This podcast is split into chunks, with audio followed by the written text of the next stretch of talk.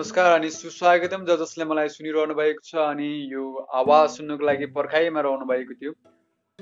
आदरणीय श्रोताबिन आज श्रोताबिनहरू आज मैले तपाईँहरूलाई गोर्खापत्र राष्ट्रिय दैनिकमा प्रसा प्रकाशित चिकित्सा शिक्षामा बढी शुल्क आतङ्क फिर्ता गर्ने सुरसार छैन समाचार शीर्षक पढ्न गइरहेको छु। र यो समाचार विक्रमसम्म दुई हजार छयत्तर साल कार्तिक उन्तिस गते शुक्रबार तदनुसार सन् दुई हजार उन्नाइस नोभेम्बर पन्ध्र तारिकका दिन प्रकाशित भएको समाचार हो र यो समाचार सरोज ढुङ्गेलबाट काठमाडौँबाट प्रेषित भएको समाचार रहेको छ। आउनुहोस् सुरु गरौँ। मेडिकल कलेजहरूले सरकारले तोकेको शुल्कभन्दा बाहेक विविध शीर्षकमा ठुलो रकम असुल्दा चिकित्सा शास्त्र अध्ययन र विद्यार्थी चोरको मर्कामा परेका छन्। अतिरिक्त शुल्क आतङ्कले विद्यार्थी अभिभावकलाई चिकित्सा शिक्षा निल्नु र ओकल्नु भएको छ। सरकारी निर्णय समेत समयमा कार्यान्वयन नहुँदा निराशा छाएको छ। मेडिकल कलेजले बढी शुल्क फिर्ता गर्ने सुरसार गरेकै छैनन्। सरकारले तोकेभन्दा मेडिकल कलेजहरूले विद्यार्थीसँग पाँच लाखदेखि बाइस लाख रुपियाँसम्म बढी शुल्क लिएका छन्। शुल्क फिर्ता गराउन विद्यार्थी चिकित्सा शिक्षा सङ्घर्ष समिति बनाएरै आन्दोलित भए पनि प्रतिफल प्राप्त हुन सकेको छैन। शिक्षा विज्ञान तथा प्रविधि मन्त्रालयले शुल्क फिर्ता दिन गरेको निर्णय पनि अझै कार्यान्वयनमा आएको छैन। चिकित्सा शिक्षा सङ्घर्ष समितिका संयोजक प्रकाश चण्डले चन्दले सरकारले तोकिएको शुल्कभन्दा बाइस लाख रुपियाँसम्म बढी शुल्क उठाएकै कारण विद्यार्थी आन्दोलित हुनु परेको जानकारी दिनुभयो। केही समय अघि चितवन स्थित नेसनल मेडिकल कलेजका छात्रलाई छात्रावासमा गएर कुटपिट गरेको घटना समेत सार्वजनिक भयो। कलेजले बढी शुल्क लिएको घटना सार्वजनिक गरेको भन्दै विद्यार्थीमाथि आक्रमण भएको थियो। घटना सार्वजनिक भएपछि सरकारले पटक पटक मेडिकल कलेजलाई शुल्क फिर्ता गर्न समय सीमा दिएको छ तर मेडिकल कलेजले सरकारको उक्त निर्देशन पालना गरेका छैनन्। मेडिकल कलेजले सरकारले दिएको समय सीमामा रकम फिर्ता गर्नुको सट्टा शिक्षा विज्ञान तथा प्रविधि मन्त्रीको कुर्सी खोज्नेसम्मको चेतावनी पनि दिने गरेको छ। पछिल्लो पटक कार्तिक पच्चिस गते शिक्षा विज्ञान तथा प्रविधि मन्त्रालयले पच्चिस दिन पन्ध्र दिनको समय सीमा दिएर मेडिकल कलेजहरूलाई शुल्क फिर्ता गर्न निर्देशन दिएको छ। शुल्क फिर्ता नगरे कानुन अनुसार कडा कारवाही गर्ने चेतावनी पनि सरकारले दिएको छ। अहिलेसम्म कुनै मेडिकल कलेजले विद्यार्थीबाट लिएको शुल्क फिर्ता गरेको जानकारीमा आएको छैन। निजी स्तरबाट सञ्चालित कलेजहरूले मात्र होइन नेपाली सेनाद्वारा सञ्चालित मेडिकल कलेजले समेत सरकारले तोकेभन्दा आठ लाख रुपियाँ बढी शुल्क लिएको जानकारी सार्वजनिक भइसकेको छ। कार्तिक एक गते चिकित्सा शिक्षा आयोगले काठमाडौँ उपत्यकाभित्र एमबिबिएस तहमा अध्ययन गर्ने विद्यार्थीका लागि चालिस लाख तेइस हजार दुई सय पचास र उपत्यका बाहिर चौवालिस लाख छत्तिस हजार पच्चिस रुपियाँ तोकेको थियो। यस्तै बिडिएसका लागि उपत्यकाभित्र र बाहिरका लागि समान बिस लाख उन्नाइस हजार पाँच सय अस्सी शुल्क तोकेको थियो। चिकित्सा शिक्षा आयोगका उपाध्यक्ष डाक्टर श्रीकृष्ण गिर्वीले विद्यार्थीबाट लिने शुल्कमध्ये एक तिहाई रकम पहिलो वर्षमा र बाँकी रकम वार्षिक रूपमा किस्ताबन्दीमा लिने व्यवस्था ऐनमा नै भएकाले स्वय व्यवस्था अनुसार मेडिकल कलेजहरूले शुल्क लिनुपर्ने बताउनु भयो उहाँले बढी शुल्क लिएका कलेजलाई शुल्क फिर्ता गर्न समय सीमा दिइसकेको भन्दै शुल्क फिर्ता नगरे सरकारले कारवाही गर्ने बताउनु भयो प्राचार्य डाक्टर गिरीले शिक्षण शुल्कमा उल्लेखित विषयभन्दा बढी रकम लिएको पाइए पाइए। कानुन विपरीत हुने जानकारी दिनुभयो। शिक्षा विज्ञान तथा प्रविधि मन्त्री गिरिराज मणि पोखरेलले निजी क्षेत्रबाट सञ्चालित मेडिकल कलेजले विभिन्न शीर्षकमा विद्यार्थीबाट अतिरिक्त शुल्क लिएको पुष्टि भएको आधारमा सरकारले पन्ध्र दिनमा पन्ध्र दिनको समय सीमा दिइसकेको स्पष्ट पार्नुभयो। उहाँले त्रिभुवन विश्वविद्यालय र काठमाडौँ विश्वविद्यालयका उपकुलपति र दिनलाई समेत बढी शुल्क उठाउने मेडिकल कलेजलाई शुल्क फिर्ता गराउन आवश्यक निर्देशन दिइसकेको जानकारी दिनुभयो। विद्यार्थीले निजी क्षेत्रका मेडिकल कलेजले तोकेभन्दा बढी शुल्क लिएको भन्दै उजुरी गरेपछि सरकारले मेडिकल कलेजहरूलाई शुल्क फिर्ता गराउन फिर्ता गर्न निर्देशन दिएको हो। हाल काठमाडौँ विश्वविद्यालय अन्तर्गत नौवटा र त्रिवीय अन्तर्गत आठवटा सम्बन्धन प्राप्त मेडिकल कलेज छन्। चिकित्सा शिक्षा सङ्घर्ष समितिका संयोजक प्रकाश चन्दले मेडिकल कलेजहरूले विभिन्न वाहनामा सरकारले टोके भन्दा तोकेको भन्दा बढी शुल्क तिर्न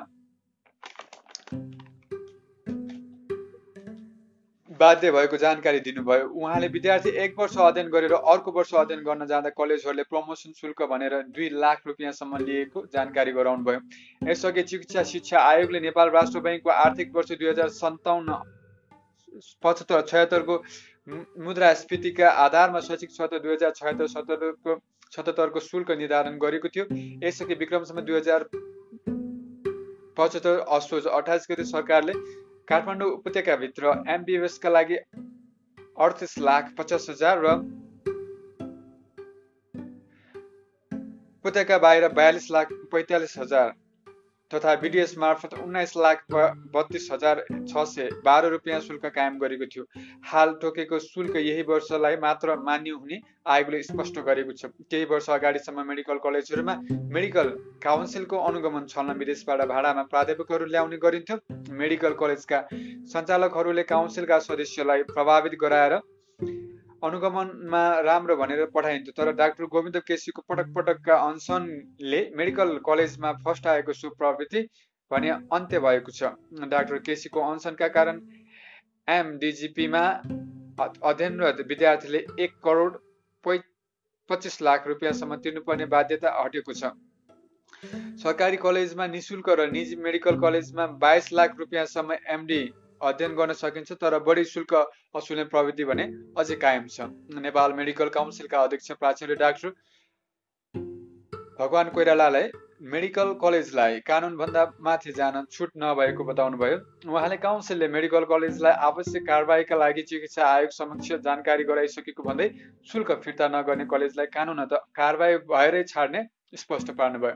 निजी मेडिकल कलेज सञ्चालक association of private medical college medical and dental college of नेपालका अध्यक्ष डाक्टर बसरुद्दिन अन्सारीले चिकित्सा शिक्षा ऐनलाई तोडमोड गर्न नहुने भन्दै त्यही अनुसार आफूहरू अगाडि बढ्ने बताउनु भयो उहाँले फिर्ता शुल्कका सम्बन्धमा पहिलो वर्षमा लिएको शुल्कलाई दोस्रो वर्षमा समेत समायोजन गर्न सकिने बताउनु भयो प्रशासन लगायत अन्य खर्च कटाएर बाँकी रहेको शुल्कलाई मात्र ऐनले शुल्क तोकेको भन्दै उहाँले मेडिकल कलेजले त्यही अनुसार शुल्क लिएको जानकारी गराउनु भयो सुनिदिनु भयो त्यसको लागि धन्यवाद भन्दै तपाईँहरूबाट म बिदा हुन चाहन्छु। हस्त नमस्ते।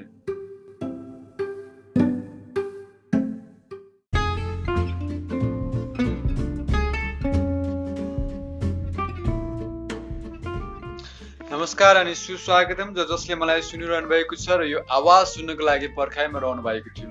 आदरणीय श्रोताबिनहरू आज मैले गोर्खापत्र राष्ट्रिय दैनिकमा प्रकाशित समाचार भन्दा पनि लेख तपाईँहरूमा सामु वाचन गर्न गइरहेको छु। लेखको शीर्षक रहेको छ सेमेस्टर प्रणालीमा देखिएका समस्या। र यो लेख डाक्टर रामहरि ढकालज्यूले लेख्नु भएको छ। उहाँ रतनराजे लक्ष्मी क्याम्पसमा प्राध्यापन गर्नुहुन्छ। र यो लेख गोर्खापत्र राष्ट्रिय दैनिकमा विक्रमसम्म दुई हजार छत्तिस साल कार्तिक सत्ताइस गते बुधबार तदनुसार सन् दुई हजार उन्नाइस नोभेम्बर तेह्र तारिकका दिन प्रकाशित गरिएको लेख हो। आउनु सुरु गरौँ।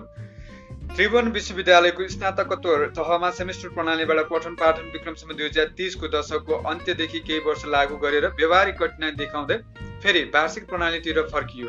प्रशस्त गृह कार्य नगरी एकाएक प्रणालीमा परिवर्तन गर्दा त्यसबाट हुन आउने सकारात्मक र नकारात्मक प्रभावबारे स्वयं योजनाकारहरू नै अनभिज्ञ भएका कारण यो प्रणाली लामो समय टिक्न सकेन। सेमेस्टर प्रणाली भनेको मात्र बोर्ड परीक्षामा छ छ महिनामा लिने भन्ने अधुरो बुझाइ तत्कालीन अवस्थाको विद्यार्थीको सङ्ख्यात्मक चाप सेमेस्टर चलाउन पुग्ने जनशक्तिको अभाव प्रणालीको विभिन्न पक्षको बहस विश्लेषणको अभाव आन्तरिक मूल्याङ्कन पद्धतिमा विद्यार्थीको हस्तक्षेप आदिका कारण त्रिवी सेमेस्टर प्रणालीबाट पुनः वार्षिक प्रणालीमै फर्केको थियो। लामो समयको पैरवीपछि त्रिवीले पुनः सेमेस्टर प्रणालीको आवश्यकता महसुस गर्यो र सुरुमा केन्द्रीय क्याम्पस किर्तिपुरबाट सेमेस्टर प्रणाली पुनः सुरु गर्यो। अर्को वर्ष उपत्यका क्याम्पस उपत्यकाका क्याम्पसहरू र गत वर्षबाट नेपालभरिका सबै स्नातकोत्तर तहमा यस प्रणालीबाट पठन पाठन हुँदै आइरहेको छ। यस प्रणालीमा प्राध्यापक र विद्यार्थी दुवै बिच दुवै पक्षले गहिरो अध्ययन र मेहनत गर्नुपर्ने हुन्छ। प्राध्यापक प्राध्यापक विद्यार्थी दुवै पक्ष यस प्रणालीमा अभ्यस्त भइ नसकेको सन्दर्भमा यसप्रति दुवै पक्षमा एक प्रकारको सन्तास थियो। त्यसैले केन्द्रीय क्याम्पसमा यो प्रणाली सुरुमा लागू गर्दा त्यहाँ विद्यार्थी भर्ना कम भयो। अर्को साल उपत्यकाभरि सेमेस्टर प्रणाली लागू गर्दा उपत्यका नजिकका स्नातकोत्तर चलेका कलेजहरूमा विद्यार्थीको चाप थामिन सक्नु भएको थियो। अहिले पनि राजनीति शास्त्र लगायत केही विषयमा वार्षिक प्रणाली अनुरूप नै सञ्चालित छन्। यसले सेमेस्टरबाट भाग्न चाहने विद्यार्थीलाई सजिलो त भएको छ तर अझै दोहोरो प्रणाली एउटै विश्वविद्यालयभित्र लागू भइरहँदा व्यवहारिक झन्झट त छँदैछ। अध्ययनपछि प्राप्त प्रमाणपत्रको विश्वसनीयतामा समेत मूलत विदेशमा शङ्का गर्ने अवस्था छ। सेमेस्टर प्रणालीमा विद्यार्थीको कम्तीमा अस्सी प्रतिशत हाजिर हुनुपर्ने प्रेसी लेख्नै पर्ने सहभागीमूलक कक्षा हुनुपर्ने अनुसन्धान अनुसन्धानात्मक लेख लेख्नुपर्ने जस्ता बाध्यताले एन काइन पढ्नुपर्छ भन्नेहरू र जागिरदार विद्यार्थीहरूलाई अत्यन्त असहज बनाएको छ। अर्कोतिर स्नातकोत्तर तह सबै विद्यार्थीको लक्ष्य हुन सक्दैन भन्ने कुरा पनि दर्शाएको छ। तर यसले शैक्षिक गुणस्तर उकास्नमा विशेष महत्त्व राखेको छ। मुस्किलले दस पन्ध्र प्रतिशत नतिजा दिन सक्ने त्रिवीमा सेमेस्टरको नतिजामा उल्लेख्य सुधार भएको छ। मूलत यसले प्राध्यापक विद्यार्थी दुवैमा पढ्ने बानीको विकास गरेको छ।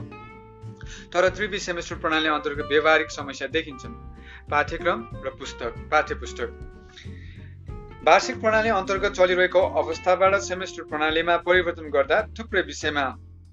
त्यही वार्षिक अन्तर् वार्षिक अन्तर्गतको पाठ्यक्रमलाई आधा गरिएको छ समय सापेक्षित पाठ्यक्रम छैन केही विषयमा ज्यादै भत्ता काठे पाठ्यक्रम छ समयमा पढाएर सक्न सक्न हम्मे हम्मे पर्छ। नेपाली भाषामा लेखिएको पुस्तकको सारांश पढेर स्नातक पास भएको विद्यार्थीलाई अङ्ग्रेजी माध्यमको वास्तविक पुस्तक पढ्न सजिलो छैन। त्यसमा पनि लामा लामा आलेखहरू नेपाली भाषामा लेखिएको पाठ्य पुस्तकको अभाव कतिपय विषयमा विभागहरूको विभागहरूले विद्यार्थीको पठन सामग्रीबारे स्पष्ट पारेका छैनन्। मूलत विद्यार्थीहरू र प्राध्यापक समेत कुहिरोको कागजी बढ्न पुगे परेको छ। पठन पाठन। धेरैजसो कलेज सेमेस्टर प्रणालीमा पनि उही पुरानै पठन पाठनको शैलीमा सञ्चालित छन्। व्याख्यान विधि शिक्षक केन्द्रित पद्धति वर्षौँ पुरानो डायरीको प्रयोग गरी मौखिकमा भन्दै नोट लेखाउने चलन अझै पनि छँदैछ।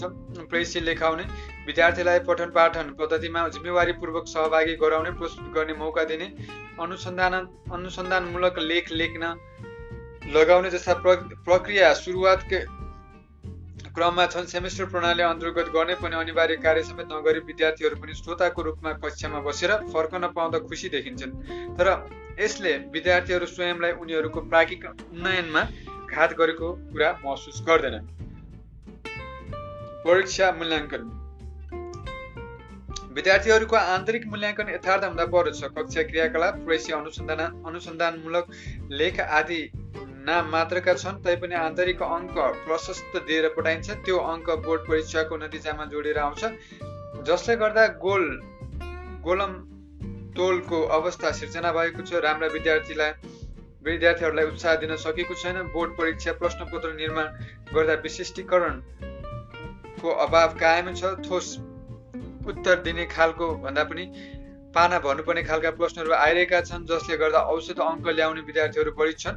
राम्रा विद्यार्थीहरू राम्रो देखिन सकेका छैनन्। अर्कोतर्फ बोर्ड परीक्षा अगाडि केही विषयमाहरूमा विद्यार्थीलाई नमुना प्रश्नका रूपमा दिएका प्रश्नहरू नै बोर्ड परीक्षामा दोहोरिएका घटना छन्। यस प्रकारको अप्रत्यक्ष पूर्वाग्रहको लाभ प्राय केन्द्रका विद्यार्थीहरूले मात्र पाउने कारणले केन्द्र र अन्य स्थानको परीक्षा नतिजामा फरक देखिएको छ। यसले विश्वविद्यालयको भविष्य निश्चय नै अन्धकारतर्फ लैजाँदैछ लैजाँदैछ। आफैले पढाएका विद्यार्थीहरूको पुस्तिका परीक्षण गर्न पाउने हुँदा परीक्षण पूर्वाग्रही ढङ्गबाट भएको नतिजाहरूले पुष्ट्याएको छ। सबै प्राध्यापक प्राध्यापक र विषयहरूमा यो अवस्था पक्कै छैन तर थोरै पूर्वाग्रही प्राध्यापकहरूको हर्कका कारण यो अवस्था आएको छ। यसको तत्काल छानबिन र कारवाही हुनुपर्दछ। परीक्षा दिन कार्यालयले लिन थालेपछि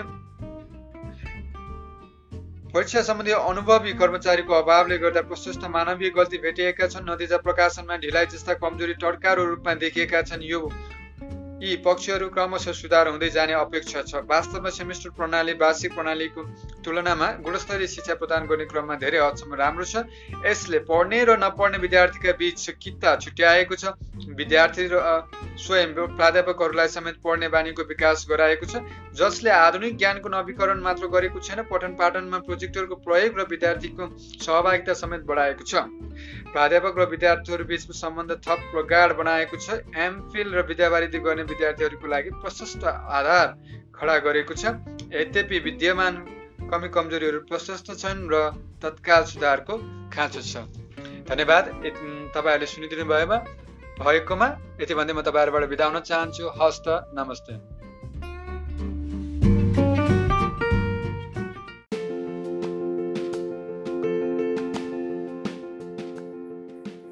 नमस्कार अनि सुस्वागतम। ज जसले मलाई सुनिरहनु भएको छ र यो आवाज सुन्नको लागि पर्खाइमा रहनु भएको छ। आदरणीय श्रोताबिनहरू आज मैले तपाईँहरू सामु गोर्खापत्र राष्ट्रिय दैनिकमा प्रकाशित प्रहरी बने शिक्षक पढ्न थाले विद्यार्थी। समाचार शीर्षक पढ्न गइरहेको छु र यो समाचार गोर्खापत्रमा विक्रमसम्म दुई हजार साल कार्तिक तिस गते शनिबार तदनुसार सन् दुई हजार उन्नाइस नोभेम्बर सोह्र तारिकका दिन प्रकाशित भएको समाचार हो। र यो समाचार राजविराजबाट राजविराज समाचारदाताद्वारा सम्प्रेषित गरिएको समाचार हो। आउनुहोस् सुरु गरौँ। सप्तरी प्रहरीले विद्यार्थीलाई स्कुलमा पढाउने काम पनि सुरु गरेको छ। समाजमा शान्ति सुरक्षा तथा स्वास्थ्य स्वस्थ नागरिक बनाउन एवं कुलतबाट टाढा बस्नका लागि कानुनी कारवाहीमा मात्र निर्भर रहँदै आएका प्रहरी चेतना फैलाउन सक्रिय भएका छन्। व्यवहारिक ज्ञान अभावले सहपाठीको दहलहीमा लागेर समाज विरोधी गतिविधिमा लाग्ने गरेको हुँदा यसको मूल जरो विद्यालय स्तरकै विद्यार्थीलाई चेतनशील बनाउन प्रहरीले यस्तो कार्यको सुरुवात गरेको हो। सप्तरीको राजविराज स्थित एक विद्यालयका कक्षा नौ र दसमा अध्ययनरत पचहत्तरजना छात्र र छात्रालाई बिहिबारदेखि पढाउने कामको सुरुवात गरिएको हो। प्रहरीले कक्षामा अपराध रोकथाम गरिएको हो। रोकथामका उपायहरू व्यक्तिगत जिम्मेवारी लैङ्गिक हिंसा बाल दुर्व्यवहार लागु औषध मादक पदार्थका प्रकार असर र बच्ने उपायहरू आधारभूत सुरक्षा सडक सुरक्षा साइबर सुरक्षा प्रहरीलाई खबर गर्ने अवस्था सय नम्बरको प्रयोग। आधारभूत कानुन र मानव अधिकार जस्ता विषयवस्तुबारे जानकारी गराएको छ। प्रहरी निरीक्षक प्रकाश बस्नेतले ती विषयवस्तुको सैद्धान्तिक तथा व्यवहारिक जानकारी गराउनका साथै अन्तर्क्रियात्मक छलफल समेत गर्नुभएको छ। समुदाय प्रहरी साझेदारी अवधारणा अनुरूप जिल्ला प्रहरी कार्यालय सप्तरीको एक वर्ष कार्ययोजनाको स्कुल सम्पर्क कार्यक्रम अन्तर्गत सो कक्षा सञ्चालन गरिएको बताइएको छ। जिल्ला प्रहरी कार्यालय सप्तरीको आयोजनामा युथ एजुकेसन सर्भिस एएस नामक नाम दिएको सो कार्यक्रम राजविराज नगरपालिका छ स्थित प्राइम हेली क्रस एकाडेमीको प्राङ्गणमा गरिएको छ। धन्यवाद तपाईँले सुनिदिनु भएकोमा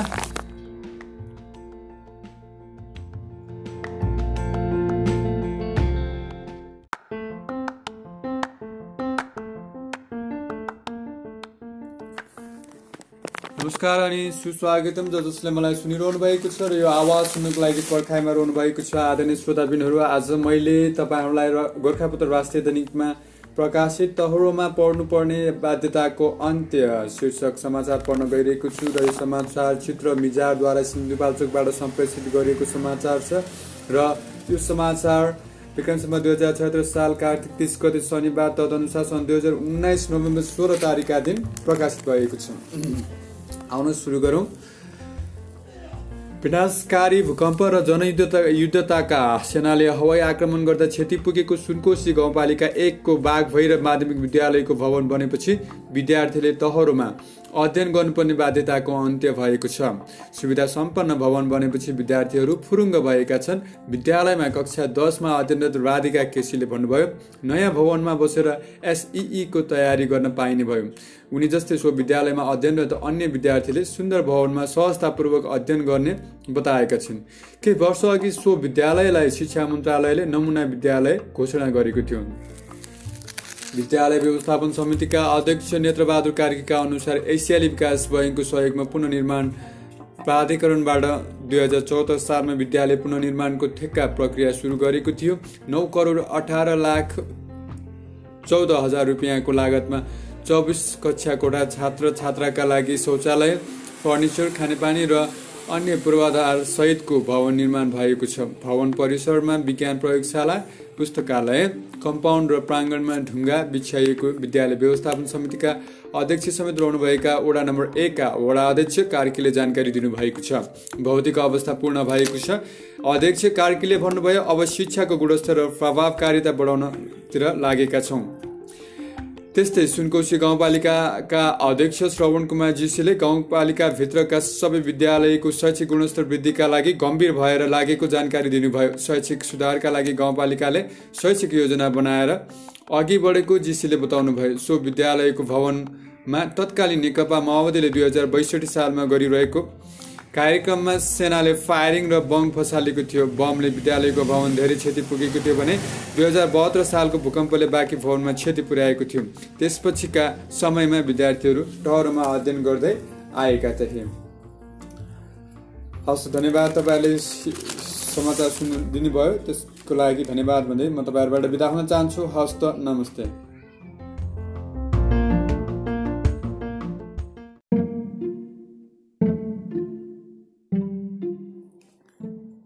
नमस्कार अनि सुस्वागतम ज जसले मलाई सुनिरहनु भएको छ र यो आवाज सुन्नको लागि पर्खाइमा रहनु भएको छ। आज मैले तपाईँहरूलाई गोर्खापत्र राष्ट्रिय दैनिकमा प्रकाशित सामुदायिक विद्यालयमा सुधार स्कुल बस र छात्रावास सञ्चालनको तयारी समाचार शीर्षक पढ्न गइरहेको छु र यो समाचार सल्यानबाट सल्यान समाचारदाताद्वारा सम्प्रेषित गरिएको हो। जुन समाचार दुई हजार छयत्तर साल कार्तिक तिस गति शनिबार तदनुसार सन् दुई हजार उन्नाइस नोभेम्बर सोह्र तारिकका दिन प्रकाशित गरिएको समाचार हो। आउनु सुरु गरौँ। सल्यानको एक सामुदायिक विद्यालयले बस सेवा तथा छात्रावास सञ्चालनका लागि अभियान थालनी गरेको छ। नेपाल राष्ट्रिय माध्यमिक विद्यालय कपुरकोट चार किमु चौडले विद्यालयभन्दा टाढा र ग्रामीण क्षेत्रका बालबालिकालाई लक्षित गरी स्कुल बस र छात्रावास सञ्चालनका लागि अभियान चलाएको हो। विद्यालयका प्रधानाध्यापक सिद्धि साप विष्टले कोष नै खडा गरेर अभियान चलाइएको जानकारी दिनुभयो। उहाँका अनुसार गाडी खरिदका लागि चार लाख बजेट सङ्कलन भइसकेको छ। शिशु कक्षादेखि कक्षा आठसम्म अङ्ग्रेजी माध्यममा पठन पाठन हुँदै आएको विद्यालयले तिहारमा देउसी भैलो खेलेर एक लाख रुपियाँ जम्मा भएको प्र विष्टले बताउनुभयो। उहाँले भन्नुभयो विद्यालयमा छात्रावास र स्कुल बस सञ्चालनका लागि विद्यालय परिवार तथा अभिभावकहरू एकजुट भएर लागेका छौँ। गुणस्तरीय शिक्षा प्रदान गर्नका लागि परिरहेको जनाएको विद्यालयले बस सेवा सञ्चालनका लागि अभिभावकहरूबाट पनि माग भइरहेकालाई आर्थिक सहयोग सङ्कलन अभियान सञ्चालन गरिएको जानका जनाएको छ। विद्यार्थीको सुविधा र टाढाका विद्यार्थीलाई मध्यनजर गरेर बस सञ्चालनको निर्णय गरिएको विद्यालय व्यवस्थापन समितिका अध्यक्ष हरिलाल पुनले बताउनुभयो। उहाँका अनुसार आउने नयाँ शैक्षिक सत्रदेखि स्कुल बस सञ्चालनमा आउनेछ। जिल्लाको नमुनाका रूपमा रहेको यस विद्यालयमा यी लाइब्रेरी सिसी क्यामेरा यी हाजिरी सञ्चालन मा छन्। शिशुदेखि कक्षा आठसम्म सञ्चालन गरिएको अङ्ग्रेजी माध्यमको पढाइ पनि प्रभावकारी देखिएको विद्यालयले जनाएको छ। निकै नै राम्रो समाचार रहेको छ। धन्यवाद तपाईँहरूले सुनिदिनु भएकोमा त्यति भन्दै तपाईँहरूबाट म बिताउन चाहन्छु। हस्त नमस्ते।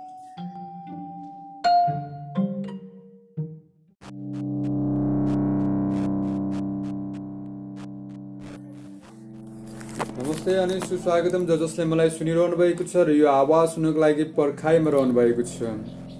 आदरणीय श्रोताबिन्दुहरू आज मैले तपाईँहरूलाई गोर्खापत्र राष्ट्रिय दैनिकमा प्रकाशित सामुदायिक विद्यालयलाई व्यवस्थित गर्न आवश्यक समाचार शीर्षक पढ्न गइरहेको छु। जुन समाचार दुई हजार छत्तर साल कार्तिक तिस गते शनिबार तदनुसार सन् दुई हजार उन्नाइस नोभेम्बर सोह्र तारिकका दिन प्रकाशित भएको समाचार हो र यो समाचार धनगढी समाचारदाताद्वारा धनगढीबाट सम्प्रेषित गरिएको समाचार हो। आउनु सुरु गरौँ।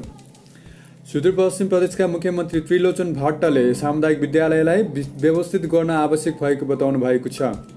शुक्रबार धनगढीमा स्टेम उत्सवको उद्घाटन गर्नुहुँदै उहाँले लगानी अनुसार सामुदायिक विद्यालयले प्रतिफल दिन नसकेकाले व्यवस्थित गर्न जरुरी रहेको बताउनु भएको हो। सरकार र सहयोगी सङ्घ संस्थाले लगानी बढ्दै गए पनि सामुदायिक विद्यालयमा सुधार देखिएको छैन मुख्यमन्त्री भट्टले भन्नुभयो। त्यसैले सामुदायिक विद्यालयलाई व्यवस्थित गर्न जरुरी छ। विद्यालय स्थापना गर्नुभन्दा विद्यालयलाई व्यवस्थित बनाउनु ठुलो कुरा रहेको उहाँको भनाइ थियो। मुख्यमन्त्री भट्टले नेता कर्मचारी शिक्षक सबैले आफ्ना बालबालिकालाई सामुदायिक विद्यालयमा पढाउनु पर्नेमा जोड दिनुभयो। यदि हामीले आफ्नो सन्तानलाई सामुदायिक विद्यालयमा पढाउन चाहँदैन भने विद्यालयको गुणस्तर बढ्दैन। उहाँले अगाडि थप्नुभयो यहाँ त शिक्षकले आफू पढाउने विद्यालयमा आफ्ना छोराछोरीलाई नपढाउने गरेको भेटिन्छ। सामुदायिक विद्यालयमा पढाउने शिक्षकले आफूले आफैलाई विश्वास गर्न नसकिरहेको अवस्था रहेको मुख्यमन्त्रीले उल्लेख गर्नुभयो। यसै गरी विद्यालय व्यवस्थापन समितिको अध्यक्ष बन्नका लागि त छाड मछाड गर्ने अभिभावक पनि विद्यालयमा गएर शैक्षिक अवस्थाबारे बुझ्ने कार्य नगर्ने गरेको बताउनुभयो। उहाँले विद्यार्थीले पनि अनुशासनको पालना गर्न जरुरी रहेको बताउनुभयो। विद्यार्थीको लागि सबै थोक गरिने तर विद्यार्थी नै अनुशासित भइदिएनन् भने केही गर्न सकिन्न मुख्यमन्त्रीले भन्नुभयो विद्यार्थी वर्ग अनुशासनमा बस्न आवश्यक छ।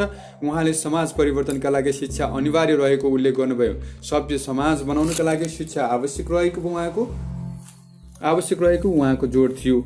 यसले सामाजिक चेतना अभिवृद्धि गर्न गर्छ मुख्यमन्त्रीले भट्ट मुख्यमन्त्री भट्टले भन्नुभयो।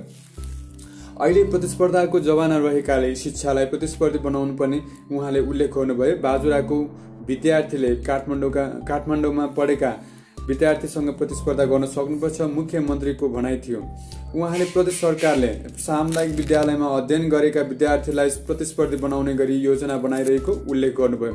अब सामुदायिक विद्यालयलाई व्यवस्थित गरी दक्ष जनशक्ति उत्पादनका लागि प्रदेश सरकार तयार छ उहाँले भन्नुभयो। हामीले थुप्रै काम गरिरहेका छौँ। सरकारी विद्यालय व्यवस्थित हुन नसक्नुको पछाडिको कारण खोजेर सचेत हुनुपर्ने बेला आएको मुख्यमन्त्री भट्टको भनाइ थियो।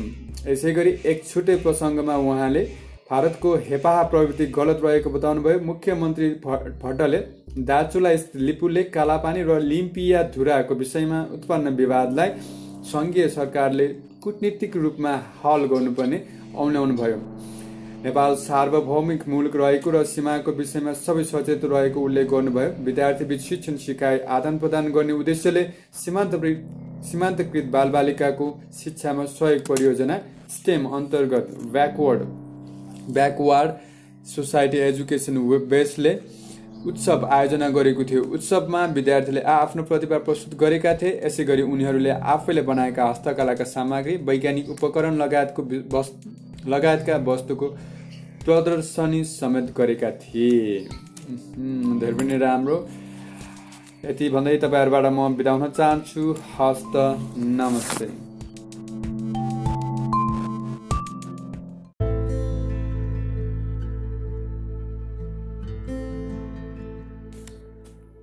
नमस्कार अनि सुस्वागतम ज जसले मलाई सुनिरहनु भएको छ यो आवाज सुन्नुको लागि पर्खाइमा रहनु भएको छ। आदरणीय श्रोताबिनहरू आज मैले तपाईँहरूलाई गोर्खापत्र राष्ट्रिय दैनिकमा प्रकाशित स्थायी बाल गृह अभाव समाचार शीर्षक पढ्न गइरहेको छु र जुन समाचार सुर्खेतबाट वीरेन्द्रनगरका समाचारद्वारा दाताद्वारा सम्प्रेषित गरिएको हो र यो समाचार विक्रमसम्म दुई हजार छत्तर साल कार्तिक तिस गते शनिबार तदनुसार सन् दुई हजार उन्नाइस नोभेम्बर सोह्र तारिकका दिन प्रकाशित गरिएको समाचार हुन् आउनुहोस् सुरु गरौँ। सुर्खेतमा पछिल्लो समय सडक बालबालिकाको सङ्ख्या बढ्दो भए पनि स्थायी बालगृहको अभाव छ। वीरेन्द्रनगरमा कर्णाली प्रदेशका विभिन्न ठाउँबाट सडक बालबालिका आउने गर्दछन्। सरकारी तवरबाट अहिलेसम्म यहाँ कति सडक बालबालिका छन् भनेर यकिन नभए पनि बाल अधिकारको क्षेत्रमा काम गर्दै आएको आवाज संस्थाले एकचालिसजना रहेको आफ्नो प्रतिवेदनमा उल्लेख गरेको छ। आवाजले यिनी बालबालिकालाई स्थायी अस्थायी रूपमा पटक पटक राख्दै आए पनि उनीहरूको दीर्घकालीन व्यवस्थापन भने भएको छैन। अहिले कर्णाली प्रदेशको सामाजिक विकास मन्त्रालय र सुर्खेत स्थित बाल अधिकारको क्षेत्रमा काम गर्ने विभिन्न सङ्घ संस्थाको पहलमा अस्थायी रूपमा जोखिममा परेका बालबालिकाका लागि सुरक्षित आमा घर सञ्चालन ल्याइएको छ। एकल महिला समूहको कार्यालयमा उनीहरूलाई राखिएको छ विभिन्न सङ्घ संस्थाको सहयोगमा उक्त आमा घर सञ्चालनमा ल्याए पनि दीर्घकालीन रूपमा सञ्चालन गर्न समस्या छ। आवास संस्थाकी कार्यकारी निर्देशक पवित्र साईले सडक बालबालिकाका लागि दीर्घकालीन रूपमा सोच्नुपर्ने बताउनुभयो। सडक बालबालिकालाई समुदाय र घर परिवारमा घर परिवारमा खुलमिल हुन समय लाग्ने भएकाले स्थायी रूपमा बालगृह हुन आवश्यक रहेको उहाँको भनाइ छ। हामीले दुई वर्षसम्म आवाजमै राख्यौँ तर यहाँ एक हप्ता एक महिनासम्म राख्नुपर्ने हुन्थ्यो। उनीहरूका लागि यो समय पर्याप्त होइन। उनीहरूलाई कम्तीमा पनि दुई वर्षसम्म राखेर समुदाय र घर परिवारमा घुलमिल गराउने वातावरण गराउनुपर्छ। हामीले राखेका दीर्घकालीनसम्म उनीहरूलाई राख्न सकेनौँ। आवाजमै राखेका बालबालिका अहिले सडकमै छन्। उनीहरूलाई ठुलो बालबालिका बालबालिका तर पढ्ने इच्छा नभएकालाई सिपमूलक काममा जोड्ने र साना बालबालिकालाई पढ्ने वातावरण गराउनुपर्छ। अभिभावक भएका बालबालिकालाई घर परिवारलाई समेत परामर्श गरेर परिवारमा पुनर्मिलन गराउनु पर्ने उहाँको भनाइ छ। उनीहरूलाई गलत र सही बाटोमा छुट्याउन छुट्याउने गराउन सक्नुपर्छ। उहाँले स्थायी निकायले दीर्घकालीन रूपमा सोच्नुपर्ने बताउनु भयो हामीसँग दीर्घकालीनसम्म राख्ने क्षमता नभएर गाह्रो भएको हो। हाल आमा घरमा रहेका बालबालिकालाई एकल महिला समूहले हेरेको छ। आवश्यक सहयोग सामाजिक विकास मन्त्रालय र विभिन्न सङ्घ संस्थाहरूको समन्वयमा व्यवस्थापन गरिएको अध्यक्ष शीतल सिंह रठौड राठौडले जानकारी दिनुभयो। उहाँले भन्नुभयो उनीहरू अन्य बालबालिकाभन्दा फरक हुन्छ। व्यवहार परिवर्तन हुन धेरै समय लाग्छ। हामीले तत्कालका लागि भन्दा पनि दीर्घकालीन योजना बनाएर कार्यान्वयन गर्न सक्यौँ भने मात्र उनीहरूको पुनर्स्थापना गर्न सकिन्छ कर्णाली प्रदेश सरकारले जोखिममा परेका बालबालिकाका लागि बालग्राम बनाउन त्यसको सम्भाव्यता अध्ययन र डिपिआर तयार गर्न पचास लाख बजेट विनियोजन गरेको छ। सामाजिक विकास मन्त्रालय अन्तर्गत सामाजिक विकास महाशाखाका महिला विकास अधिकृत अनिता गेवालीले बालग्राम निर्माणका लागि चालु आर्थिक वर्षको बजेटमा चालिस लाख रुपियाँ छुट्याइएको जानकारी दिनुभयो। गेवालीले अहिले तत्काल व्यवस्थापनका लागि सडक बालबालिकाको पुनर्स्थापना गर्न मन्त्रालयले दस लाख रुपियाँ छुट छुट्याइएको बताउनुभयो। प्रदेश सरकार र वीरेन्द्रनगर पालिकाको पहिला पहलमा वीरेन्द्रनगरको वडा नम्बर आठमा सामाजिक सुरक्षा भवन बन्दैछ।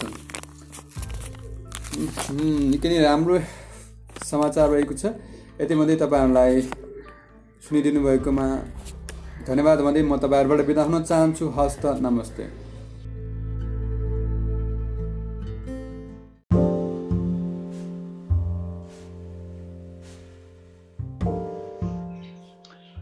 नमस्कार अनि सुस्वागत।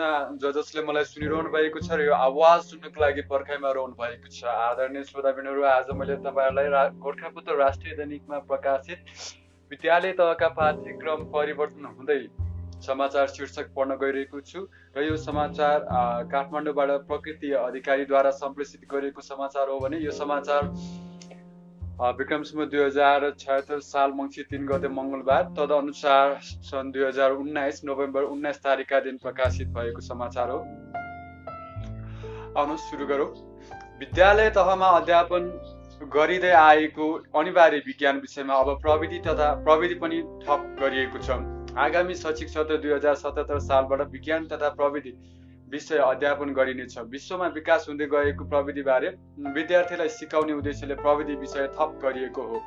उन्नाइस सय नब्बे सालबाट नेपालमा प्रवेशिका परीक्षाको थालनी भएको हो र त्यो बेला अतिरिक्त विषयका रूपमा साधारण विज्ञान विषय समावेश गरिएको थियो। नयाँ शिक्षा लागू भएपछि अनिवार्य विज्ञान विषय पाठ्यक्रममा समावेश गरिएको थियो र दुई हजार एकतिस सालबाट सो विषय प्रवेशका परीक्षामा समावेश भएको थियो। पाठ्यक्रम विकास केन्द्रका सूचना अधिकारी गणेश भट्टराईले भन्नुभयो सूचना प्रविधिको युगमा विश्व बजारसँग प्रतिस्पर्धा गर्न सक्ने जनशक्ति विकास गर्ने उद्देश्यले विज्ञान र प्रविधिलाई जोड्ने निर्णय भएको हो। आगामी शैक्षिक सत्र दुई हजार सतहत्तर सालबाट कक्षा एक र कक्षा एघारमा नयाँ पाठ्यक्रम लागू तथा कक्षा छमा नयाँ पाठ्यक्रम परीक्षणका रूपमा लागू गरिँदैछ कक्षा चारदेखि दससम्म विज्ञान तथा प्रविधि विषयको अध्यापन गरिनेछ। आगामी दुई हजार अस्सी सालसम्म सबै तहमा नयाँ पाठ्यक्रम लागू भइसक्नेछ। हटाइयो पूर्णाङ्क। नयाँ पाठ्यक्रम संरचना अनुसार अबदेखि पूर्णाङ्कको व्यवस्थालाई हटाइएको छ। नेपालमा आधुनिक शिक्षाको थालनी हुँदादेखि नै पूर्णाङ्कको व्यवस्था थियो। अब त्यसलाई विस्थापन गरी क्रेडिट आवर बनाइएको छ। कक्षा एघार र बाह्रमा हप्तामा सत्ताइस घन्टा तथा त्यसभन्दा तल हप्तामा बत्तिस घन्टाको क्रेडिट आवर काम गरिएको छ। सबै तहका विद्यार्थीको मूल्याङ्कन अक्षराङ्कन पद्धतिमा मात्र गरिनेछ नयाँ पाठ्यक्रम अनुसार कक्षा एकदेखि तिनमा नेपाली अङ्ग्रेजी मेरो सेरोफेरो र गणित विषयलाई एकीकृत पाठ्यक्रम बनाइएको छ। केन्द्रका सूचना अधिकारी भट्टराईका अनुसार स्थानीय तहले मातृभाषा र स्थानीय विषय तयार गरी हप्ताको पाँच घन्टा अध्यापन गर्नुपर्ने हुन्छ। त्यस्तै कक्षा चारदेखि आठको पाठ्यक्रममा मानव मूल्य शिक्षाको विषय थप गरिएको छ। हाल कक्षा चारदेखि पाँचमा चार पाँचमा नैतिक शिक्षा थिएन भने कक्षा छदेखि आठमा नैतिक शिक्षाको अध्यापन हुँदै आएको छ। नैतिक शिक्षालाई नै मानव मूल्य शिक्षा बनाइएको हो। हाल कक्षा छ आठमा अध्यापन हुँदै आएको पेसा व्यवसाय र प्रविधि विषयलाई राष्ट्रिय पाठ्यक्रमबाट हटाइएको छ र त्यसलाई स्थानीय पाठ्यक्रममा समावेश गरिएको छ। कक्षा नौ दसमा अनिवार्य स्वास्थ्य जनसङ्ख्या तथा वातावरण विषय हटाइएको छ। अब आठवटा विषयबाट सातवटामा झारिएको छ। विगतमा रहेको स्वास्थ्य जनसङ्ख्या र वातावरण विषयलाई तिनवटा अलग अलग विषयमा विभाजन गरी तिनलाई ऐच्छिक विषयका रूपमा समावेश गरिएको छ। विद्यार्थीले ऐच्छिक विषयको रूपमा स्वास्थ्य र वा जनसङ्ख्या वा वातावरण मध्ये कुनै एक मध्ये रोज्न सक्नेछन्। उहाँले भन्नुभयो कक्षा एघार र बाह्र दुवैमा अनिवार्य नेपाली विषय थप गरिएको छ। यसअघि विभिन्न विषय समूहमध्ये कसैले कक्षा एघारमा वा र कसैले बाह्र कक्षा बाह्रमा नेपाली विषय अध्ययन गर्नु पर्थ्यो उहाँका अनुसार कक्षा बाह्रमा जीवनोपयोगी शिक्षा समावेश गरिएको छ। कक्षा एघार र बाह्रमा विषय समूहको प्रावधान हटाएको छ। अब विज्ञान वा व्यवस्थापन वा शिक्षा वा अन्य समूह भनेर भन्न पाइँदैन। केन्द्रका सूचना अधिकारी भट्टराईले भन्नुभयो आगामी शैक्षिक सत्रबाट एकल पठीय पाठ्यक्रम लागू हुनेछ। ऐच्छिक विषयहरू राखिएका छन् तर र तीमध्ये कुनै तिनवटा छनौट गर्नुपर्ने हुन्छ। कक्षा दस एघार र बाह्रमा राष्ट्रिय परीक्षा बोर्डले नै वार्षिक परीक्षा सञ्चालन गर्ने नयाँ पाठ्यक्रम स्पष्ट छ। विगतमा कक्षा एघारमा वार्षिक परीक्षा सम्बन्धित विद्यालय नै विद्यालयले नै सञ्चालन गर्ने चर्चा निकै चलेको थियो। सुनिदिनु भयो त्यसको लागि धन्यवाद भन्दै तपाईँहरूबाट म बिदा हुन चाहन्छु। हस्त नमस्ते।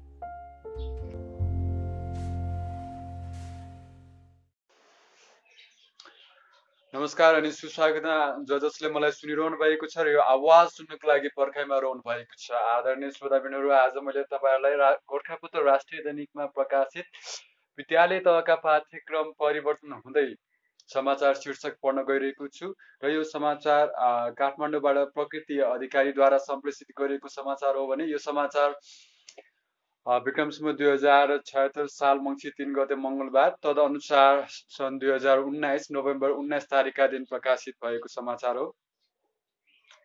आउनुहोस् सुरु गरौँ। विद्यालय तहमा अध्यापन गरिँदै आएको अनिवार्य विज्ञान विषयमा अब प्रविधि तथा प्रविधि पनि थप गरिएको छ। आगामी शैक्षिक सत्र दुई हजार सतहत्तर सालबाट विज्ञान तथा प्रविधि विषय अध्यापन गरिनेछ विश्वमा विकास हुँदै गएको प्रविधिबारे विद्यार्थीलाई सिकाउने उद्देश्यले प्रविधि विषय थप गरिएको हो। उन्नाइस सय नब्बे सालबाट नेपालमा प्रवेशिका परीक्षाको थालनी भएको हो र त्यो बेला अतिरिक्त विषयका रूपमा साधारण विज्ञान विषय समावेश गरिएको थियो। नयाँ शिक्षा लागू भएपछि अनिवार्य विज्ञान विषय पाठ्यक्रममा समावेश गरिएको थियो र दुई हजार एकतिस सालबाट सो विषय प्रवेशका परीक्षामा समावेश भएको थियो। पाठ्यक्रम विकास केन्द्रका सूचना अधिकारी गणेश भट्टराईले भन्नुभयो सूचना प्रविधिको युगमा विश्व बजारसँग प्रतिस्पर्धा गर्न सक्ने जनशक्ति विकास गर्ने उद्देश्यले विज्ञान र प्रविधिलाई जोड्ने निर्णय भएको हो। आगामी शैक्षिक सत्र दुई हजार सतहत्तर सालबाट कक्षा एक र कक्षा एघारमा नयाँ पाठ्यक्रम लागू तथा कक्षा छमा नयाँ पाठ्यक्रम परीक्षणका रूपमा लागू गरिँदैछ कक्षा चारदेखि दससम्म विज्ञान तथा प्रविधि विषयको अध्यापन गरिनेछ। आगामी दुई हजार अस्सी सालसम्म सबै तहमा नयाँ पाठ्यक्रम लागू भइसक्नेछ। हटाइयो पूर्णाङ्क। नयाँ पाठ्यक्रम संरचना अनुसार अबदेखि पूर्णाङ्कको व्यवस्थालाई हटाइएको छ। नेपालमा आधुनिक शिक्षाको थालनी हुँदादेखि नै पूर्णाङ्कको व्यवस्था थियो। अब त्यसलाई विस्थापन गरी क्रेडिट आवर बनाइएको छ। कक्षा एघार र बाह्रमा हप्तामा सत्ताइस घन्टा तथा त्यसभन्दा तल हप्तामा बत्तिस घन्टाको क्रेडिट आवर काम गरिएको छ। सबै तहका विद्यार्थीको मूल्याङ्कन अक्षराङ्कन पद्धतिमा मात्र गरिनेछ। नयाँ पाठ्यक्रम अनुसार कक्षा एकदेखि तिनमा नेपाली अङ्ग्रेजी मेरो सेरोफेरो र गणित विषयलाई एकीकृत पाठ्यक्रम बनाइएको छ। केन्द्रका सूचना अधिकारी भट्टराईका अनुसार स्थानीय तहले मातृभाषा र स्थानीय विषय तयार गरी हप्ताको पाँच घन्टा अध्यापन गर्नुपर्ने हुन्छ। त्यस्तै कक्षा चारदेखि आठको पाठ्यक्रममा मानव मूल्य शिक्षाको विषय थप गरिएको छ। हाल कक्षा चारदेखि पाँचमा चार पाँचमा नैतिक शिक्षा थिएन भने कक्षा छदेखि आठमा नैतिक शिक्षाको अध्यापन हुँदै आएको छ। नैतिक शिक्षालाई नै मानव मूल्य शिक्षा बनाइएको हो। हाल कक्षा छ आठमा अध्यापन हुँदै आएको पेसा व्यवसाय र प्रविधि विषयलाई राष्ट्रिय पाठ्यक्रमबाट हटाइएको छ र त्यसलाई स्थानीय पाठ्यक्रममा समावेश गरिएको छ। कक्षा नौ दसमा अनिवार्य स्वास्थ्य जनसङ्ख्या तथा वातावरण विषय हटाइएको छ। अब आठवटा विषयबाट सातवटामा झारिएको छ। विगतमा रहेको स्वास्थ्य जनसङ्ख्या र वातावरण विषयलाई तिनवटा अलग अलग विषयमा विभाजन गरी तिनलाई ऐच्छिक विषयका रूपमा समावेश गरिएको छ। विद्यार्थीले ऐच्छिक विषयको रूपमा स्वास्थ्य र वा जनसङ्ख्या वा वातावरण मध्ये कुनै एक मध्ये रोज्न सक्नेछन्। उहाँले भन्नुभयो कक्षा एघार र बाह्र दुवैमा अनिवार्य नेपाली विषय थप गरिएको छ। यसअघि विभिन्न विषय समूहमध्ये कसैले कक्षा एघारमा वा र कसैले बाह्र कक्षा बाह्रमा नेपाली विषय अध्ययन गर्नु पर्थ्यो उहाँका अनुसार कक्षा बाह्रमा जीवनोपयोगी शिक्षा समावेश गरिएको छ। कक्षा एघार र बाह्रमा विषय समूहको प्रावधान हटाएको छ। अब विज्ञान वा व्यवस्थापन वा शिक्षा वा अन्य समूह भनेर भन्न पाइँदैन। केन्द्रका सूचना अधिकारी भट्टराईले भन्नुभयो आगामी शैक्षिक सत्रबाट एकल पठीय पाठ्यक्रम लागू हुनेछ। ऐच्छिक विषयहरू राखिएका छन् तर र तीमध्ये कुनै तिनवटा छनौट गर्नुपर्ने हुन्छ। कक्षा दस एघार र बाह्रमा राष्ट्रिय परीक्षा बोर्डले नै वार्षिक परीक्षा सञ्चालन गर्ने नयाँ पाठ्यक्रम स्पष्ट छ। विगतमा कक्षा एघारमा वार्षिक परीक्षा सम्बन्धित विद्यालय नै विद्यालयले नै सञ्चालन गर्ने चर्चा निकै चलेको थियो। सुनिदिनु भयो त्यसको लागि धन्यवाद भन्दै तपाईँहरूबाट म बिदा हुन चाहन्छु। हस्त नमस्ते।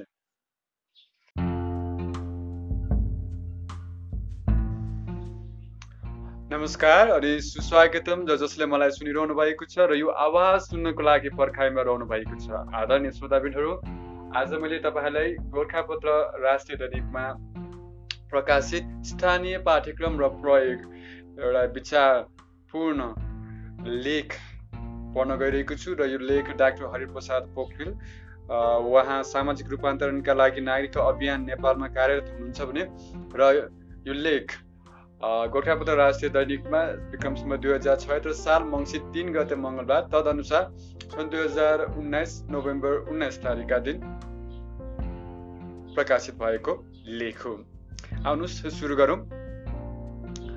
हरिप्रसाद पोखरेलज्यूले लेख्नु भएको स्थानीय पाठ्यक्रम र प्रयोग शीर्षक रहेको लेख। निर्दिष्ट सिकाइ उपलब्धि हासिल गर्न बनाइएको व्यवस्थित र योजनाबद्ध शैक्षिक कार्यक्रमलाई पाठ्यक्रम भन्ने गरिन्छ।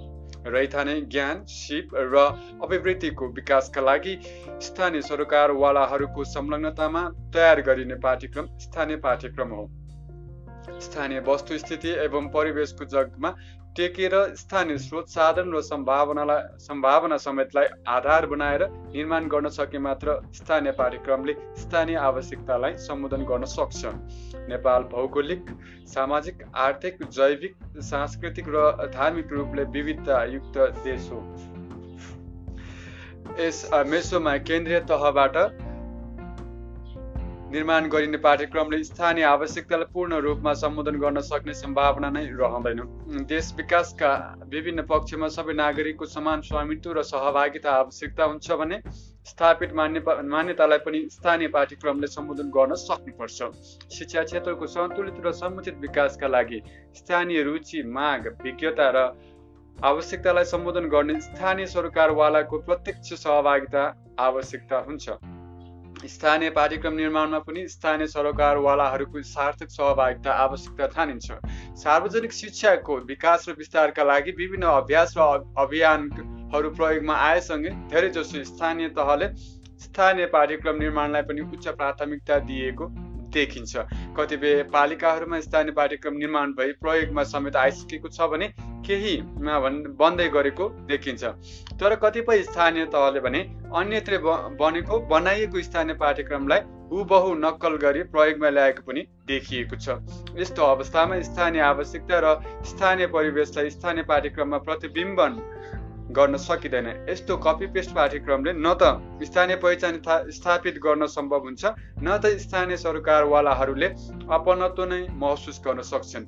यस अर्थमा पनि स्थानीय सरकारवालाहरूसँग अर्थपूर्ण छलफल गरेर आवश्यकता पहिचानका आधारमा स्थानीय पाठ्यक्रम निर्माणमा स्थानीय सरकारले नेतृत्वदायी भूमिका निर्वाह गर्न आवश्यक हुन्छ। स्थानीय स्रोत सामग्री तथा लक्षित वर्ग र समुदायको आवश्यकता सम्बोधन गर्नका लागि भने स्थानीय सरकारवाला स्थानीय स्रोत साधन र विज्ञतालाई सही ढङ्गले उपयोग गर्नुपर्ने हुन्छ। पाठ्यक्रम कार्यान्वयन गर्ने निकाय तथा व्यक्तिको संलग्नता र सहभागितामा पाठ्यक्रम विकास गरिनुपर्छ भन्ने सैद्धान्तिक मान्यतालाई पनि स्थानीय पाठ्यक्रम निर्माणमा आत्मसात गर्न वाञ्छनीय हुन्छ। पहिलो कुरा त स्थानीय पाठ्यक्रमले स्थानीय परिवेश र स्थानीय आवश्यकताका मूलभूत पक्षलाई आत्मसात गर्न सक्नुपर्छ। त्यसका लागि स्थानीय सरकारवालाहरूको सार्थक सहभागिता चाहिन्छ। स्थानीय पाठ्यक्रम निर्माण गर्न कार्य कुनै कोठामा बसेर विज्ञता ओकल्ने प्रक्रिया जस्तो मात्र होइनन् न त अमूर्त सिद्धान्तको व्याख्या विश्लेषण गर्ने प्रक्रिया हो। यो त स्थानीय सरकारवालाहरूको चाहना आवश्यकता र रुचिका आधारमा स्थानीय विषयवस्तु समेटेर तयार गरिने प्रयोगत्मक शैक्षिक योजना हो। स्थानीय पाठ्यक्रमको अर्को आधारभूत पक्ष भनेको स्थानीय स्तरको विषयवस्तु हो। स्थानीय विषयवस्तुको पाठ्यक्रम स्थानीय परिवेश सापेक्ष हुन्छ हुनुपर्छ। स्थानीय समुदायमा आधारित स्थानीय परिवेशमा आधारित ज्ञान सिप प्रविधि अवधारणा मूल्य मान्यता र स्थानीय स्रोत साधन तथा भौगोलिक सांस्कृतिक प्राकृतिक जातिगत भाषिक कला कौशल जस्ता विषयवस्तुहरू नै स्थानीय पाठ्यक्रमका विषयवस्तुहरू हुन् यस्ता विषयवस्तुहरू कहीँ कतैको नक्कल भन्दा पनि स्थानीय परिवेशमा विद्यमान रहेको हुन आवश्यक हुन्छ स्थानीय पाठ्यक्रमको अर्को महत्त्वपूर्ण आधारभूत पक्ष स्थानीय सहभागिता र विज्ञता पनि हो। स्थानीय परिवेशलाई स्थानीय सरोकारवालाहरूले नै सही ढङ्गले बुझ्न सक्छन् यसमा स्थानीय विज्ञताको समुचित कदर गरिन्छ। किनभने भने स्थानीय विज्ञताले स्थानीय परिवेशलाई समुचित ढङ्गले आत्मसात गर्न सक्छ। पाठ्यक्रम निर्माण र लेखन गर्ने काम एक प्राविधिक काम भएकाले पनि स्थानीय विज्ञहरूलाई समेट्न आवश्यक हुन्छ। पाठ्यक्रमका लागि चाहिने स्रोत साधन सूचना र सन्दर्भ ग्रन्थहरूको सङ्कलन विश्लेषण र ती पक्षहरूलाई पाठ्यक्रममा समेट्ने दक्षताको कमी भयो भने स्थानीय पाठ्यक्रमले सही विषयवस्तु समावेश गर्न सक्दैन। यस अर्थमा पनि स्थानीय सहभागिता र विज्ञतालाई स्थानीय पाठ्यक्रमको आधारभूत पक्ष मानिएको हो। अहिले सङ्घीय लोकतान्त्रिक गणतन्त्रात्मक नेपालको बदलिएको राजनीतिक मान्यता र प्रशासनिक संरचनामा माध्यमिक तहसम्मको शिक्षाको अधिकार संविधानत स्थानीय तहको भएकाले स्थानीय तहले आफ्नो स्थानीय परिवेश र स्थानीय आवश्यकताको जगमा स्थानीय पाठ्यक्रम निर्माण गर्न सक्ने प्रावधान छ। यस प्रक्रियामा अभिभावक स्थानीय समुदायमा रहेका विभिन्न पेसामा संलग्न व्यक्ति विभिन्न सामाजिक सङ्घ संस्थामा संलग्न व्यक्ति सबैको भूमिका महत्त्वपूर्ण हुन्छ नै। गैर सरकारी सङ्घ संस्थाको सहयोग लिएर स्थानीय कार्यक्रम निर्माण गर्न सकिने भएकाले पनि सबैको साथ सहयोग र विज्ञताको समुचित कदर गर्दै स्थानीय आवश्यकताका आधारमा स्थानीय तहमा स्थानीय पाठ्यक्रम निर्माण गरी कार्यान्वयन गर्ने परिपाटीको विकास हुन थालेको सुखद अवस्था सिर्जना भएको छ यतिखेर। विविधताको सम्मान गर्दै स्थानीय ज्ञान सिप र प्रविधिको समान पहुँच र विस्तारमा टेवा पुर्याउने स्थानीय सरकारवालाको सहभागिता विज्ञता र स्रोत साधन जरुरी हुन्छ। नेपालमा राष्ट्रिय स्तरको पाठ्यक्रम निर्माण गर्ने क्रममा सरल र सहज तरिकाले स्थानीय तहको प्रतिनिधित्व हुन नस नसकेको परिवेश विद्यमान छ। फलस्वरूप शैक्षिक गुणस्तर विकासमा स्थानीय सरकारवालाको उत्तरदायित्व र जिम्मेवारी बोध पर्याप्त मात्रामा भएको पनि छैन। स्थानीय आवश्यकतामा आधारित पाठ्यक्रम तथा नीति निर्माणका क्रममा स्थानीय तहका सरकारवालाको अर्थपूर्ण सहभागिता हुने वातावरण तयार गरी लोकतान्त्रिक अभ्यासको एक असल नमुनाका रूपमा स्थानीय पाठ्यक्रमलाई विकास गर्न सके यसबाट अपेक्षित उपलब्धि हासिल हुन सक्छ। स्थानीय मठ मन्दिर सांस्कृतिक सम्पदा रहन सहन स्थानीय माटो बाटो पार्टी पौवा तथा हावापानी चालचलन आदिका बारेमा यथोचित जानकारी गराए। आफ्नो जन्मभूमि तथा स्थानीय स्थानप्रति सिकारुलाई केही नगरौँ केही गरौँ भन्ने भावनाको विकास गराउन पनि स्थानीय स्तरमा पाठ्यक्रम निर्माण गर्न आवश्यक छ। स्थानीय पाठ्यक्रम स्थानीय आवश्यकताका कुरा समेटी आफ्नो स्थानीय परिवेश अनु अनु अनुकूल मौलिक कला संस्कृति र पेसाप्रति चासो बढाउन सरकारवालाहरूको नै क्षमता अभिवृद्धि गर्दै स्थानीय तहमा निर्माण गरी कार्यान्वयन गरिने लचिलो प्रकृतिको पाठ्यक्रम हो। कतिपय स्थानीय तहमा निर्माण गरेका स्थानीय पाठ्यक्रमहरूको प्रभावकारी कार्यान्वयन भई त्यसले स्थानीय परिवेशको विकास र प्रचार प्रसारमा सकारात्मक भूमिका निर्वाह समेत गरेको देखिन्छ। स्थानीय पाठ्यक्रम निर्माण पश्चात त्यसको प्रभावकारी कार्यान्वयनमा स्थानीय तहको तहले आवश्यक अनुगमन गर्ने र आवश्यकताका आधारमा यसलाई समयानुकूल बनाउँदै लैजाने हो भने यसको प्रभावकारिता अझै बढ्ने पक्का छ। स्थानीय जात जाति भाषा संस्कार सभ्यता मूल्य मान्यता परम्परा चाडपर्व हाट बजार गीत सङ्गीत आदिका बारेमा आवश्यक जानकारी गराए आफ्नो परिवेश सामाजिक भौगोलिक आर्थिक सांस्कृतिक अवस्थाका बारेमा सुसूचित गराउनु गराउनु स्थानीय पाठ्यक्रमको एक प्रमुख उद्देश्य हो हुनुपर्छ। समावेशी तथा सबैको अपनत्व महसुस हुने खालका स्थानीय विषयवस्तुको जगमा निर्मित पाठ्यक्रमबाट आपसी सद्भाव मेलमिलाप सामूहिक कार्य सहिष्णुता तथा राष्ट्रिय एकताको भावनाको विकासमा पनि सहयोग पुग्ने अपेक्षा राख्न सकिन्छ। धन्यवाद तपाईँहरूको साथ र समयको लागि। यति भन्दै म तपाईँहरूबाट बिदा हुन चाहन्छु। हस्त नमस्ते।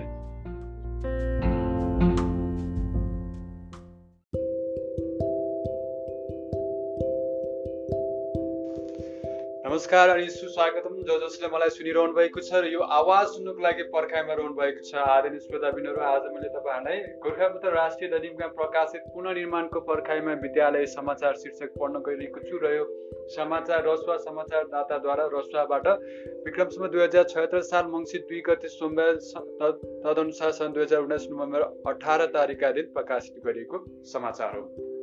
आउनुहोस् सुरु गरौँ। पुननिर्माणको पर्खाइमा विद्यालय।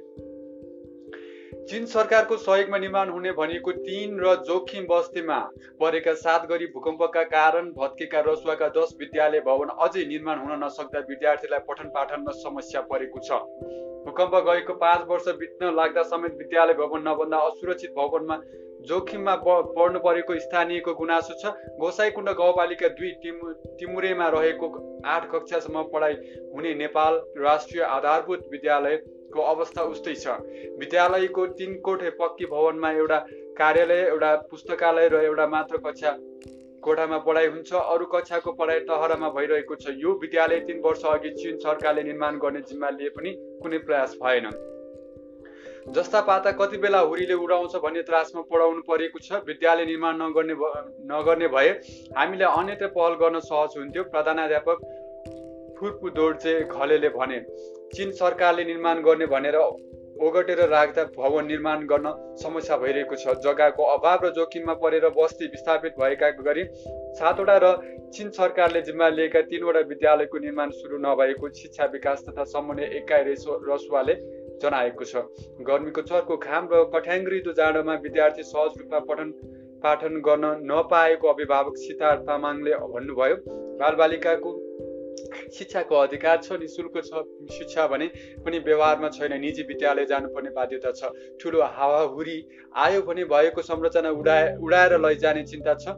कालिका गाउँपालिका पाँच स्थित नीलकण्ड नीलकाण्ड नीलकण्ड नमुना उच्च माविका प्राचार्य नारायण देवकोटाले भन्नुभयो न चिन सरकारले प्रक्रिया अघि बढाए न अरू दाता खोज्न पाइयो समस्या भयो। चिन सरकारसँग कुटनीतिक पहल हुन नसकेको हो देवकोटाले भन्नुभयो चिनले बनाइदिने भनेकोले अरू दादा पनि आएनन् हामी निकै अन्यलमा छौँ। उता कालिका गाउँपालिका एकको अनन्त स्मृति आधारभूत विद्यालय उत्तर गयान गाउँपालिका एकको तिरु आधारभूत कालिका आधारभूत बालुदय आधारभूत कोरुमरियाङ आधारभूत भूमे भूमे देवी आधारभूत र आमा छोडिङ गाउँपालिका पाँच स्थित पाजुङ आधारभूत विद्यालय अझै पुनर्निर्माण भएको छैन। ती विद्यालयमा कठाङ्ग्रिदो चिसोमा तिनको छानाको अस्थायी सिकाइ केन्द्रमै पढ्न बाध्य भएको विद्यार्थीको गुनासो छ। कति बेला भवन भत्किन्छ भनेर त्रासमा अध्ययन गर्नु परेको तिरु प्राविका विद्यार्थी साजन तामाङले गुनासो गर्नुभयो। धेरै सामाजिक संस्था र जिल्लासम्म आयोजना कार्यान्वयन एकाइ शिक्षामा थाहे पनि रकम विनियोजन नगरेको पाजुङ आधारभूत विद्यालयका प्रधानाध्यापक केदार घिमिरेले बताउनुभयो। भूकम्प गएको पाँच वर्षसम्म पनि विद्यार्थीहरू खुला चौरमा कस्त साथ पढ्न बाध्य छन्? पाजुङ प्राविका प्राधानाध्यापक केदार घिमिरेले भन्नुभयो भवन बनेन कहाँ पढाउने समस्या छ? हस्त धन्यवाद तपाईँहरूले सुनिदिनु भयो त्यसको लागि धन्यवाद भने म तपाईँहरूबाट बिताउन चाहन्छु। हस्त नमस्ते।